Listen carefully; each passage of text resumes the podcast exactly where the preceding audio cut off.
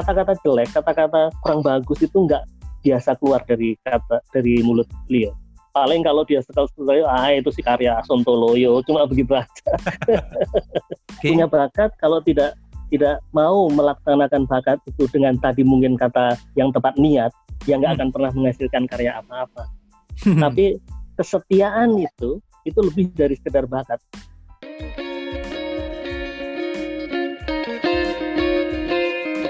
Selamat datang kembali warganet di Tagar TV. Uh, Minggu 19 Juli 2020 kemarin, Indonesia kehilangan salah satu begawan sastra Indonesia yang paling populer, itu Sapardi Djoko Damono ia meninggal dunia dalam usia 80 tahun setelah sempat mendapat perawatan intensif di rumah sakit di salah satu rumah sakit di BSD. Pak Sapardi mangkat sekitar pukul 9 lebih 17 menit meninggalkan karya besar untuk dinikmati uh, para penikmat sastra dari segala generasi. Saat ini bersama saya Eno Dimejo dan Tagar TV ingin mengajak untuk mengenal sekaligus mengenang sosok Sapardi Djoko Damono dari lingkar terdalam beliau di Fakultas Sastra Universitas Indonesia. Dan saat ini Tagar TV sudah terhubung dengan Mas Ibnu Wahyudi, salah satu rekan Pak Sapardi di Fakultas Sastra UI. Selamat siang, Mas Iben. Selamat siang, Mas Eno. Selamat siang. Apa kabar, Mas? Sehat? Alhamdulillah, agak capek sedikit. Langsung saja Mas, uh, ya. mungkin bisa diceritakan Mas Iben uh, pertemuan pertama dengan sosok Pak Sapardi di Fakultas Sastra? Oke. Kalau pertemuan secara fisik itu terjadi tahun 78. Oke. Okay. Itu pertemuan secara fisik di Fakultas Sastra. Saya masuk Sastra UI tahun 78. Tapi pertemuan saya dengan puisi Sapardi itu tahun 75. Oh. Lewat puisi uh, prolog terutama dalam kumpulan Dukamu Abadi. Itu waktu saya kelas 2 SMA, saya sudah membaca puisi Sapardi dan saya tidak membayangkan bahwa nanti akan menjadi mahasiswanya karena itu masih kelas 2 SMA. Ketika selain membaca majalah Aktuil pada waktu itu, saya membaca majalah Aktuil, saya sangat terpengaruh oleh musik rock waktu itu. Tapi saya juga membaca puisi, membaca sastra, dan salah satu karya yang termasuk saya sukai adalah karya Sapardi dalam kumpulan Kamu Abadi. Hmm. Itu tahun 75. Nah, ketika saya lulus SMA, saya 78 diterima di Fakultas Sastra UI. Nah, baru ketemu sosok yang namanya Sapardi dan saya kira dia adalah seorang seniman dalam pengertian rambutnya gondrong, hmm. bajunya uh, mungkin dekil atau segala macam image atau citra tentang seniman seperti itu tapi saya kaget gitu loh loh ini kok seniman kok krempeng, rambutnya pendek, gayanya biasa, sendal, sepatu sendal gitu kan. Oke, okay. oh ternyata seperti itu juga bisa menjadi seniman. Jadi tidak harus seniman itu gondrong, uh, apa ya, jalannya mungkin berpakaian, bagaimana berpakaian urakan mungkin ya berpakaian urakan mungkin nyentrik dan ini nggak ada nyentrik nyentriknya jadi saya pertama kecewa bertemu dengan seniman yang tidak seniman gitu tapi kemudian visualnya. saya justru ya kemudian disadarkan bahwa tidak selamanya satu profesi menuntut penampilan tertentu. Nah, itu. Itu kan kesadaran namanya baru lulus SMA ya pada waktu itu kan kita sudah punya bayangan macam-macam. Seperti penyanyi rock kan dulu bayangan kita kan pasti hmm. gondrong ya seperti Betul. kelompok di Purple Yuriahi karena dulu saya penggemar musik cadas ya sebenarnya. Hmm. jadi bayangan saya selalu seperti itu gitu. Jadi kalau ada yang enggak seperti itu pasti akan saya ragukan ke senimannya gitu Oke, okay, berarti gitu. uh, Mas Iben bersentuhan uh, terlebih dahulu dengan karyanya. Dengan karyanya. Akhirnya bertemu dengan sosok uh, personalnya gitu kan? Iya. Um, setelah tadi mungkin perbedaan, ada perbedaan, ada imajinasi kita mengenai sosok Sapardi seperti apa uh -huh. yang di, uh -huh. yang dialami Mas Iben, terus saat ketemu yeah. seperti apa, ada ada ada perbedaan gitu ya.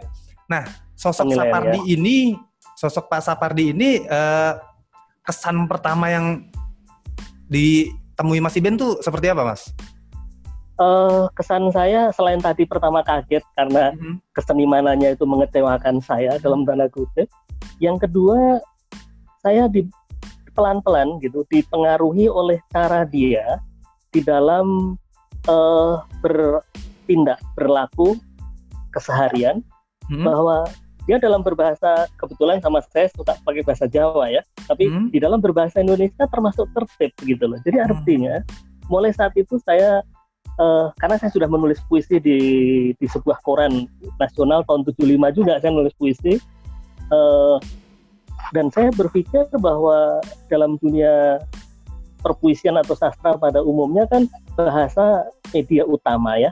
Hmm. Nah, dan saya kemudian di semakin disadarkan oleh Gaya Sapardi bahwa seorang penulis yang baik itu pada akhirnya memang harus pertama sudah selesai dengan masalah kebahasaan gitu. Hmm. Nah itu itu sangat tertanam dalam diri saya. Jadi ketika saya masih melihat orang nulis puisi tidak bisa menulis didi sambung, didi pisah dan sebagainya, sebenarnya saya langsung kecewa. Ini sih belum belum layak nulis puisi yang bagus maksud saya gitu gitu ya.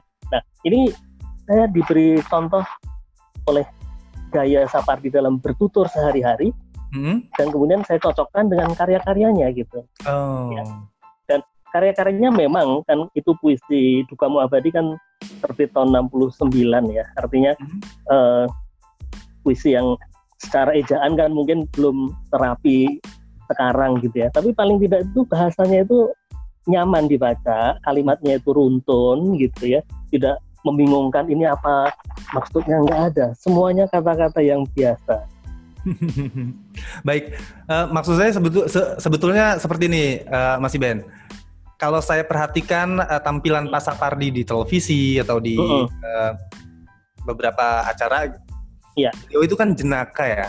Oh iya. Beliau, beliau jenaka sekali. Uh -uh. Bahkan terakhir di menjelang Pak Sapardi meninggal dunia, beliau sempat berkelakar mengenai saya punya hobi baru, dia bilang. Uh -uh. Uh -uh uh, begitu ditanya hobi baru apa? Hobi hobi baru saya keluar masuk rumah sakit.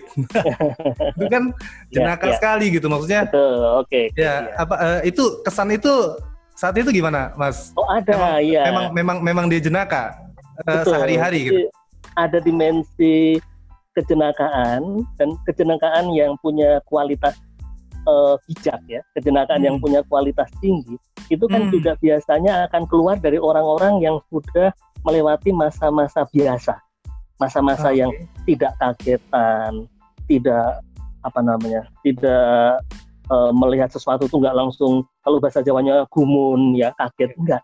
Nah, jadi ketika bergaul dengan Pak Sapardi sehari-hari, pernah saya hmm. kaget hmm. bahwa kamu kalau pengen hiburan itu nonton aja film India gitu ya. Hmm. Oh, saya agak kaget juga. Kenapa?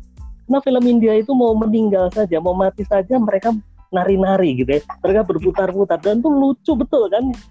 Mana ada realitas kayak gitu ya gitu. Seperti itu. Jadi uh, kelucuan, kecelakaan itu diambil dari sesuatu yang bagi orang lain mungkin dia, tidak dianggap ada nilai lucunya gitu ya. Termasuk ketika kami beliau yang nyetir mobil pada waktu itu di jalan, kemudian ada orang nyalip sembarangan, huh? marah dia tapi marahnya itu bukan dengan marah menggebrak pintu atau apa tapi sontoloyo gitu hanya begitu saja gitu ya memang beliau lekat sekali dengan diksi itu ya sontoloyo itu ya, ya. ya. itu mungkin sudah mengucapkan itu saja sudah cukup terwadahi ya rasa marah itu gitu lah jadi alangkah mudahnya kan me meminimalisasi kemarahan itu kalau cukup begitu tapi kan tidak semua orang bisa tidak Betul. semua orang mampu meminimalisasi kemarahan itu dengan cara gitu. Kalau nggak banting piring nggak puas. Nah, ini enggak. Tapi memang ini untuk orang-orang dengan tingkat-tingkat tertentu saja gitu. Makanya tadi Mas Eno singgung soal keluar masuk rumah sakit hmm. itu dianggap sebagai sarana untuk menghibur diri. Hmm. Sarana ya, untuk men menjenakakan diri supaya dia tidak terseksa dengan uh, tidak terseksa dengan apa namanya uh, permasalahan yang sedang dia hadapi. Betul. Gitu. Berusaha untuk menertawakan diri sendiri ya. Betul. Itu salah satu cara untuk terapi berasal dari dirinya. Betul betul. Ya. Uh, baik Mas Iden, kalau tadi memang sosoknya begitu jenaka di kehidupan keseharian bahkan uh, suka berkelakar. Mas Iben selama berada di lingkungan terdekat beliau pernah melihat beliau marah? marah yang yang begitu rupa marah yang susah juga ya karena saya hampir nggak selalu melihat beliau hmm. marah dalam arti uh, sampai emosional. emosional gitu kok tidak ya. Jadi oh. kadang-kadang tuh saya melihat Pak Sapari itu sudah kalau tadi masalah bahasa sudah selesai dengan persoalan hmm. bahasa, dia tuh sepertinya sudah selesai dengan masalah emosi gitu loh. Okay. Jadi sepertinya sudah bisa mengelola emosi dia dengan hmm. baik. Baik apakah itu kemarahan, apakah itu uh, ke kesalan gitu ya. Seperti gini Mas, misalnya hmm? uh, pada waktu itu dia ngobrol sama saya di mobil, dia bilang, "Wah, ini tahun 90-an ya. Wah, kijangnya kok bagus amat gitu ya." Terus dia cerita gini, kita tuh mimpinya kok cuma pengen punya kijang ya, nggak mau mimpi yang lebih mahal gitu loh, gitu loh. Jadi betul-betul cara menyadari diri tentang posisi diri ini eh. melekat betul gitu. Ngapain kita mikir punya Ferrari gitu loh? Kalau sebenarnya kijang super pada waktu itu saja sebenarnya sudah cukup gitu. Cukup. Ya, jadi dalam hal seperti ini sepertinya ada kemampuan untuk uh, mengelola mm -hmm. emosi dan ini saya kira nggak gampang sebenarnya yang dapat ditunjukkan sehari-hari gitu bahkan hmm. ketika dia menjadi dekan tahun 95 sampai 99 hmm? saya tidak melihat gaya seorang dekan yang misalnya ya otoriter hmm. atau yang kemudian membubarkan eh, rapat-rapat uh, atau apa gitu enggak gitu ya atau mungkin karena tahunnya pada waktu itu enggak, enggak terlalu bergolak ya tapi hmm. paling tidak kalaupun tidak ada situasi seperti itu kalaupun ada pun saya kira beliau akan mampu mengatasi dengan cara dia gitu. Hmm. Tapi mungkin ekspresi gitu, Mas Iben, ekspresi kemarahan atau memendam kekesalan pernah terlihat? Ya hanya itu? dengan tadi Sontoloyo atau dengan uh, makian paling paling banyak saya dengar Sontoloyo tidak pernah yang lebih dari itu gitu ya. Wow. Maaf ya, misalnya uh, asu atau bajingan uh. gitu enggak enggak keluar gitu. Padahal sebagai orang Solo ya, beliau kan aslinya dekat-dekat keraton. Itu hmm. sebenarnya kan makian itu bagian dari uh, keseharian orang-orang keraton kan sebenarnya karena paling gampang mengeluarkan makian tapi nggak nggak terlalu banyak keluar kata-kata seperti itu. Jadi memang kemampuan untuk mengelola emosinya memang sudah sudah pakar lah ya. Saya kira begitu atau gini. memang atau karena memang gayanya begitu. Gitu. Misalnya di kelas saja, di kelas ada yang melakukan plagiat ya misalnya. Uh Nah itu paling hanya ditegur dengan cara yang yang bijak misalnya. Apa untungnya sih kamu eh, apa namanya menjiplak tulisan orang dan sebagainya bukan dengan disobek kertasnya enggak gitu. itu cara-cara yang saya lihat gitu. Saya pernah membaca artikel Mas Ben mm -hmm. uh, Pak Sapardi uh, sempat mengeluarkan pernyataan bahwa beliau tidak percaya dengan diksi inspirasi Hmm. Uh, menurut beliau diksi itu terlalu luah mungkin ya. Uh -uh. Um, dia lebih percaya dengan kata-kata niat. Uh. Jadi untuk berkarya tidak butuh inspirasi tapi hanya butuh niat. Mas Iban pernah mendengar pernyataan seperti itu? Saya ingin mengkonfirmasi.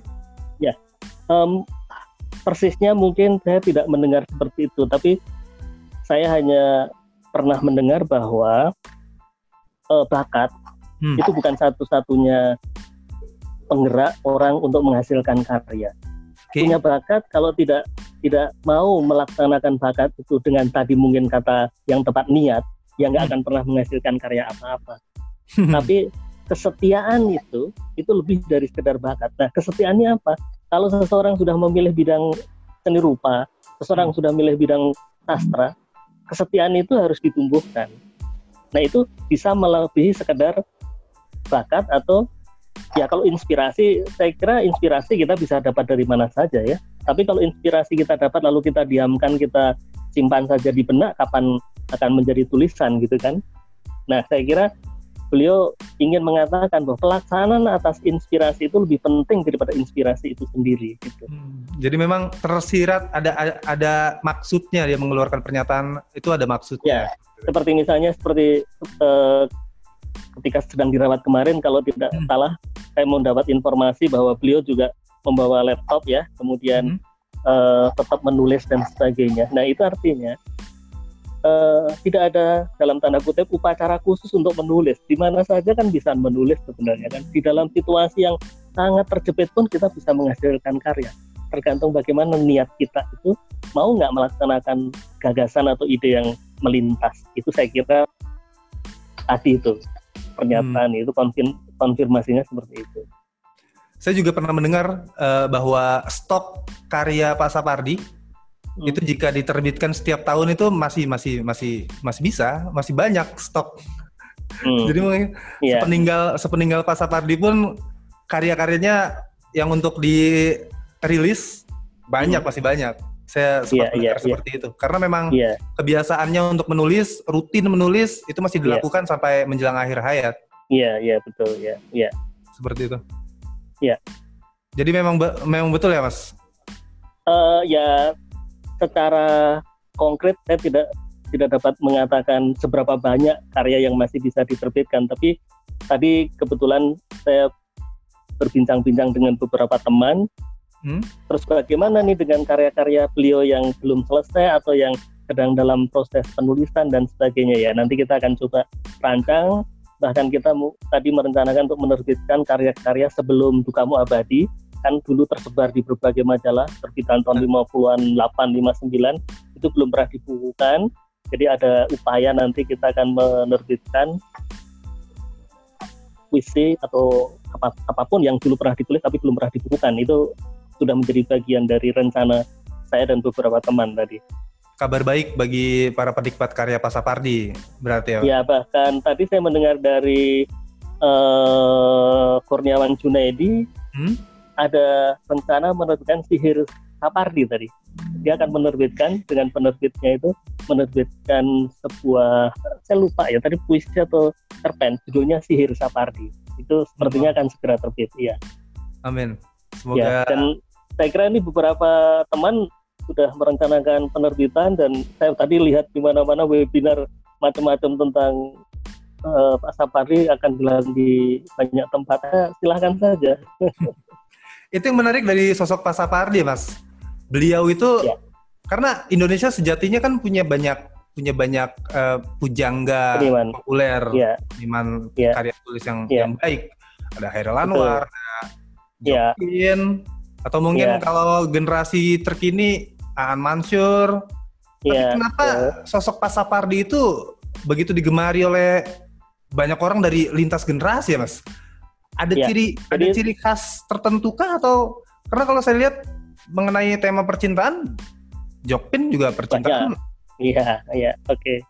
Jadi begini, tadi kebetulan juga itu menjadi bagian diskusi kami ya lewat lewat WA biasa lah ya. Kan Unpad juga akan mengadakan uh, diskusi nanti tanggal 25. Okay. UIN tadi malam sudah di mana-mana sudah bikin acara-acara. Terus teman-teman di UI tadi hmm. pada bilang kok kita belum ya? Gak apa-apa, kita beri kesempatan orang-orang luar mengadakan. Itu tandanya apa Pak Sapati ini diterima di mana-mana gitu itu tandanya jadi kita membuat tapi kita beri kesempatan mereka dulu gitu nah ini satu apa ya satu penghargaan secara tidak langsung terhadap ke pengarangan Pak Sapardi nah per, pertanyaan Mas Tino tadi kenapa kok bisa diterima di mana-mana padahal soal cinta ditulis banyak orang ya nah ini saya kira persoalan bagaimana eh, apa ya pilihan karya yang kemudian dapat menikmatkan banyak orang gitu. Hmm. Pilihan karya yang kebetulan digarap oleh Pak Sapari dan kebetulan juga itu paling nikmat, paling gampang dinikmati oleh banyak orang dari berbagai usia dengan kekeliruan-kekeliruan penafsiran ya, dengan kekeliruan-kekeliruan penafsiran. Dan Pak Sapari tidak pernah marah dengan kesalahan penafsiran itu seperti misalnya aku ingin ya puisi aku uh -huh. ingin dipakai untuk amplop undangan undangan betul ya. ini sebenarnya beliau ketawa ngakak betul gitu tapi tapi ngapain kita mesti marah orang itu dia mereka mendapat kebahagiaan dari mencantumkan puisi saya nah, itu satu yang kedua Pak Sabari juga tidak pernah ingin menuntut orang yang memanfaatkan puisi dia untuk iklan kayak untuk apa kayak nggak pernah karena bagi dia dibaca saja karya kita kita sudah harus berbahagia gitu wow. nah ini kan sikap-sikap yang nggak semuanya bisa sepakat kan ada yang bicara hak cipta, ada yang bicara oh. ingin menuntut ke sana kemari. Beliau nggak nggak sampai ke sana. Makanya ketika ada yang menyanyikan aku ingin dengan dengan melodi dengan komposisi berbeda dengan yang dinyanyikan Ari Reda misalnya, hmm. Pak Sapardi malah berbahagia. Artinya karya saya dibaca, karya saya diapresiasi. Terlepas salah atau benar dalam pemaknaan karena kita nggak boleh kemudian bicara wilayah tepat atau tidak dalam apresiasi seni ya gitu. Hmm. Nah ini saya kira gaya beliau yang saya dukung betul ya karena seperti misalnya puisi saya tiap hari ada di Facebook dan sebagainya ada hmm. bilang nggak takut diambil orang. Ngapain? Saya juga sampai akhirnya gaya saya jadi ikut. Kenapa mesti takut gitu kan? Karena nanti orang akan melihat oh tanpa nama pun orang akan tahu ketika seseorang sudah mendapatkan identitas akan karyanya. Iya. Yeah. ya gitu kan? Jadi ketika orang lain memanfaatkan karya itu orang akan lihat loh ini kok kayaknya seperti karya Sapari seperti karya Sutardi seperti kayak DM dan sebagainya. Karena mereka sudah punya semacam merek atas karya-karyanya nah ini ini ya ini ini yang harus diperjuangkan oleh banyak seniman sebenarnya gitu. Jadi memang karya yang populer itu karena unsur ke ketidaksengajaan seperti itu, Mas? Uh, karena pilihan-pilihan karyanya sederhana tapi mampu ya. dinikmati banyak orang itu beberapa penyair juga seperti itu soalnya, Mas. Ya, mungkin bukan soal kesengajaan atau ketidaksengajaan ya. Hmm? Saya kira kalau bandingannya Chopin ya, Chopin Nurko itu hmm. mempelajari dulu bagaimana para penyair atau pemuisi sebelumnya menggarap ide ya. Hmm. Kalau Pak Sapari saya kira mempelajarinya agak berbeda dengan Chopin. Kalau Chopin mempelajarinya kan riwayat dari zaman Amir Hamzah sampai sekarang. Kalau hmm. Pak Sapari saya kira lebih banyak orientasinya atau belajarnya dari luar ya.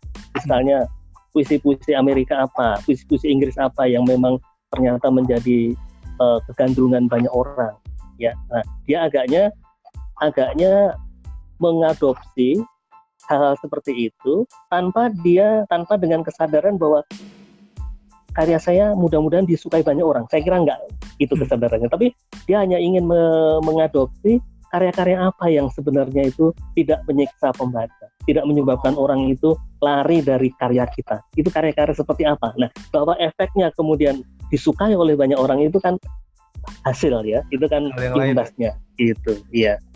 Dan, mengenai dan, uh, mengenai interpretasi tadi uh, Mas Ivan uh -uh. memang kalau menurut Pak Sapardi puisi aku ingin itu berkisah tentang apa? Tadi lo nggak pernah mau nggak pernah mau menjelaskan. Tapi, tapi saat itu digunakan di uh, amplop undangan dia tertawa. Tertawa. Tapi ketika dia menyaksikan filmnya Gari Nugroho uh -huh. atau ketika dia menikmati komposisi Ari Reda yang awal-awal, beliau kelihatan sangat apa namanya sangat menikmati. Dan artinya itu menyetujui seperti misalnya komposisi Ari Reda itu kan melo itu kan. Aku inginnya hmm. kan melo betul kan nadanya kan karena memang itu kan puisi tentang cinta yang nggak sampai kan kalau yeah. umum saja nah dalam film Gari Nugroho kan jelas itu cinta segitiga kan dalam hmm. film cinta dalam sepotong roti itu kan diangkat dari dari puisi aku ingin hmm. nah itu itu Garin menangkap bahwa rasa cinta yang nggak sampai itu ternyata di lingkungan kita banyak sekali. Saya nggak tahu, Mas Teno aja mungkin diam-diam, Mas Teno aja mungkin dibilang suka sama seseorang, cuman nggak berani menyatakan bisa gitu loh. Dan itu eh, kira-kira apresiasi sederhana atas aku ingin itu. Tapi Pak Sabari sendiri nggak pernah mengatakan maknanya apa sih, nah, karena kita nggak, dan saya nggak pernah mau tanya apa sih ya. maksudnya yeah. gitu kan kelihatan noraknya nanti. Karena memang karya um, cukup dinikmati karyanya saja tanpa harus ditanya maksudnya apa seperti itu ya. ya dan kita pembaca, kita penikmat punya hak untuk meng menginterpretasi sendiri kan gitu. Ya. Baik, Mas Ben, ada momen ada momen atau pesan yang paling berkesan dari sosok Pak Sapardi di mata Mas Iben? Uh, kalau kepada saya, hmm. dia walaupun tidak langsung mengatakan suka dengan karya-karya saya, tapi selalu mengatakan jangan berhenti nulis. Gitu. Walaupun ada beberapa puisi yang dia bilang, oh ini bagus, ben makanya pernah dimuat di jurnal puisi dan sebagainya, tapi beliau bukan tipe orang yang penyanjung yang langsung bikin orang supaya langsung besar kepala enggak. Tapi kelihatan. Ketika dia enggak suka itu kelihatan saya bisa menangkap itu dan ketika dia menikmati dia bisa baca itu berulang-ulang. Lebih dari sekali baca. Tapi kalau begitu nggak suka baca satu baris puisinya aja langsung dilempar. Artinya bukan dilempar apa tapi maksudnya enggak ini enggak ini enggak gitu. Jadi Karena, beliau memang uh, memberi apresiasi tidak secara langsung ya tapi selalu suportif Ya, Cara, dengan, cara, cara dia memuji itu dengan cara suportif seperti itu ya mas? Seperti itu dan karena hubungan dengan saya dekat di tahun 80-an, jadi tanpa ungkapan verbal, hmm. kami sudah saling tahu oh. bagaimana misalnya beliau ada suatu ketika saya todori beberapa puisi saya, terus dia berkomentar gini, Nah, apa bedanya puisi kamu sama berita? Cuma begitu aja. Oh. Apa bedanya puisi kamu sama berita? Bukan dia nggak bilang puisi kamu jelek enggak. Apa bedanya puisi kamu sama berita? Gitu. Nah itu saya udah langsung tahu oh, berarti ini ini kurang apa kurang apa gitu. Ya, ya. Seperti itu cara menegurnya. Gitu. Oh baik baik baik. Atau ketika mendengar ada pemain musik ya pengamen di jalanan gitu terus langsung aduh kuping saya sakit itu ingin mengatakan bahwa itu yang ngamen nggak berkualitas tapi begitu mendengarkan musik langsung dia ter apa namanya uh, mantuk-mantuk ya apa ah. namanya uh, menikmati itu uh, apresiasi uh, karena sangat sensitif beliau dengan musik itu sangat sensitif. Jadi kalau ada komposisi terhadap atau musikalisasi puisi terhadap puisi beliau dan beliau nggak nggak begitu cocok biasanya langsung uh, seperti tutup kuping gitu ya seperti nggak mau dengerin gitu.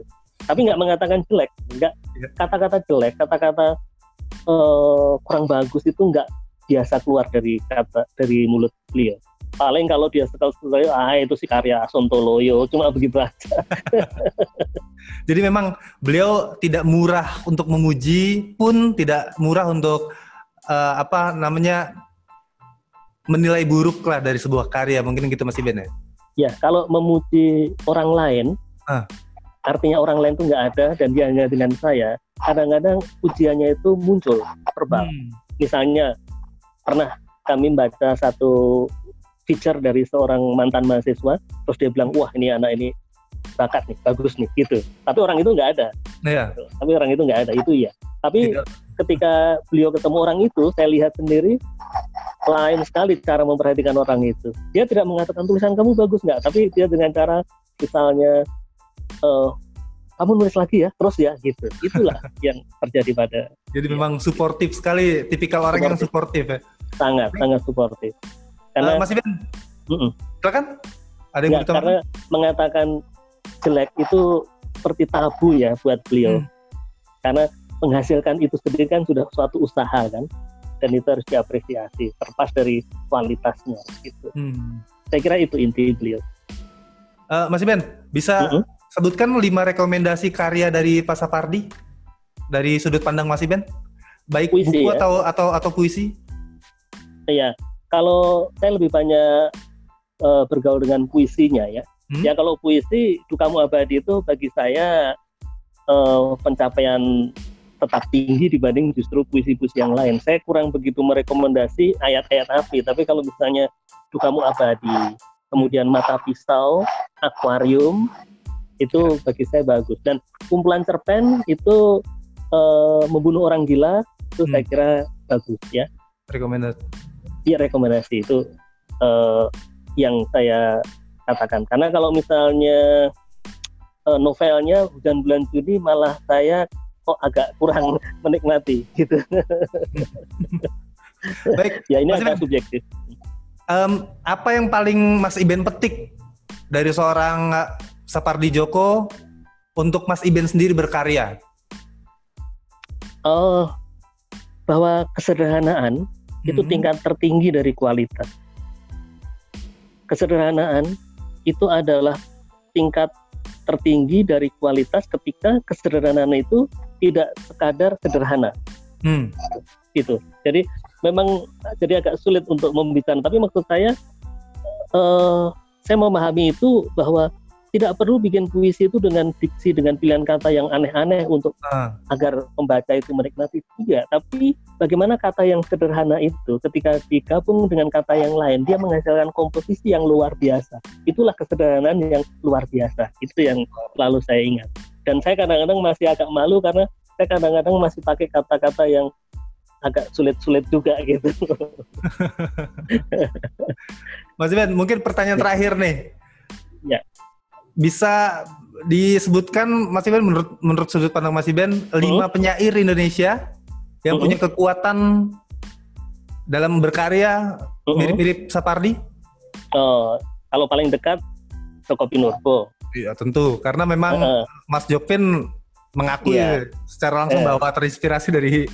Iya. Dari... Tapi maksud saya, maksud saya dengan kekuat dengan dengan cara dia membuat puisi sendiri punya kekuatan yang lain. Dan itu hmm. tidak digarap oleh Sapardi yaitu ketika dia menulis tentang celana tentang sarung itu kan tidak digarap oleh Sapardi. Sapardi masih bicara tentang senja masih bicara tentang gerimis kan?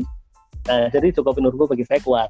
Lalu Gunan Muhammad itu kekuatannya ya memang ini mungkin sudah banyak dibicarakan ya. Gunan Muhammad nah. kekuatannya pada uh, kemampuannya mempermainkan otak kita dengan pemotongan-pemotongan lari-larinya itu yang kadang-kadang mengagetkan gitu. Hmm. Nah, Tarji tentang uh, kemampuan Sutarji Kanggung Bakis saya kira Sutarji. memang tetap hebat ya dengan kemampuannya bahwa uh, untuk mengatakan A mungkin kita harus berpikirnya B atau C gitu dan itu lalu sangat kelihatan pada pemilihan kata dia yang yang bukan soal lisensia poetika tapi kata-kata dia yang misalnya nggak terbayang orang untuk akan jadi puisi bagus seperti telur. Atau puisi dia telur itu yang mengagetkan juga gitu. Kemudian kalau agak sofistik ya tentu Jawab Imron ya. Uh. Jawa Imron. Jadi tadi sudah Gunawan Muhammad Toko Pinurbo Sutardi Jawab Imron dan kalau yang dari generasi sekarang Aan Mansur memang saya kira sudah menguasai uh, komposisi puisi dengan sangat sangat uh, kuat ya. Ya ya Ya memang kalau Sutarji imajinatif sekali ya. Aku bawakan mayatku padamu. Ya dan kadang-kadang pilihan kata-katanya ya, luar biasa. Seperti ya ping di atas pong pong di atas ping ping pong ping pong dan sebagainya itu bagi orang yang nggak biasa dengan komposisi seperti itu pertama kaget lama-lama akan disadarkan bahwa ternyata komunikasi sehari-hari kita kan memang nggak selamanya lancar kan uh. seperti itu. Nah kalau Gunawan kan memang agak ngajak mikir ya, agak ngajak mikir, tapi beberapa mengagetkan seperti uh, apa yang puisi tentang apa yang ter, tercatat oleh temperometer itu dingin tak tercatat pada termometer misalnya gitu. Hmm. Jadi masing-masing punya kekuatan yang menyebabkan saya menghargai mereka. Gitu. Masih Hari. banyak Indonesia sih sebenarnya cukup banyak. Tuh, sastra Indonesia ya. punya banyak harta karun. Banyak. Kebetulan saya ngajar di Singapura dan Malaysia jauh sekali kita sebenarnya. apa namanya uh, jumlah penyair maupun jumlah sastrawan kita luar biasa. Cuma pembacanya yang ini kemampuan pembaca untuk membeli yang ini yang mungkin agak kalah gitu. Atau mungkin itu kali mas karena pajak buku itu. ya bisa juga ya. Tapi maksud saya kalau di Kuala Lumpur segala mungkin karena daya belinya lebih bagus ya. Hmm. Itu buku tuh laku gitu. Sekarang di sini siapa sih masih mau beli buku puisi? Kan hmm. jarang. Seperti itu. Ya. Baik, Mas Iben, terima kasih sekali sudah meluangkan waktu ngobrol ya. bersama saya, bersama Tagar TV. Baik, terima Sehat kasih. Selalu, Mas Iben. Amin, Yes. amin. Ya. Saya ya. turut berduka cita atas meninggalnya Pak ya. Sapardi. Iya, kita semua kehilangan. Ya, baik. Tuh, ya. kita semua ya. kehilangan.